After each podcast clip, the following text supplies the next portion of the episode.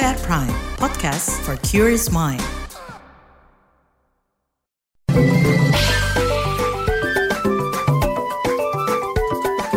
WhatsApp Indonesia. WhatsApp Indonesia kita mulai dari Jakarta. Kementerian Perhubungan tengah mengkaji penerapan tarif dinamis pada LRT Jabodetabek. Kemungkinan tarif LRT bakal lebih murah pada jam padat atau peak hour. Melansir detik.com, juru bicara Kemenhub Adita Irawati mengatakan pihaknya tengah mengkaji kemungkinan penyesuaian tarif LRT dengan kepadatan penggunanya. Namun, Adita belum bisa memastikan soal penerapan dan perbedaan tarifnya lantaran masih dalam proses pembahasan dan penyesuaian. Saat ini tarif LRT Jabodetabek berkisar Rp3.000 sampai Rp20.000, sedangkan saat liburan tarif turun jadi maksimal Rp10.000. Selanjutnya menuju Medan, Sumatera Utara.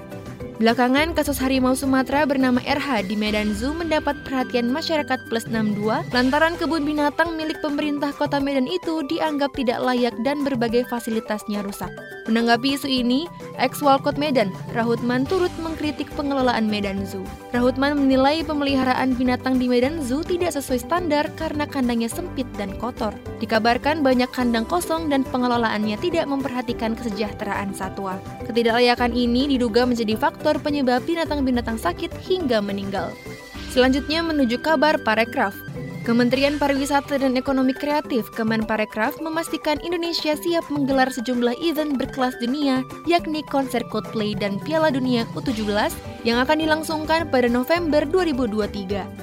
Deputi Bidang Produk Wisata dan Penyelenggara Kegiatan Kemenparekraf Vincentius C. Madu memprediksi event dunia mampu mendorong kebangkitan ekonomi.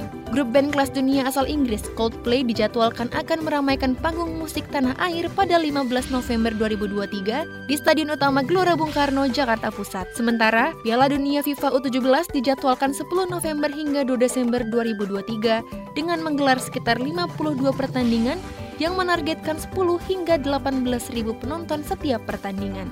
Demikian WhatsApp Indonesia hari ini.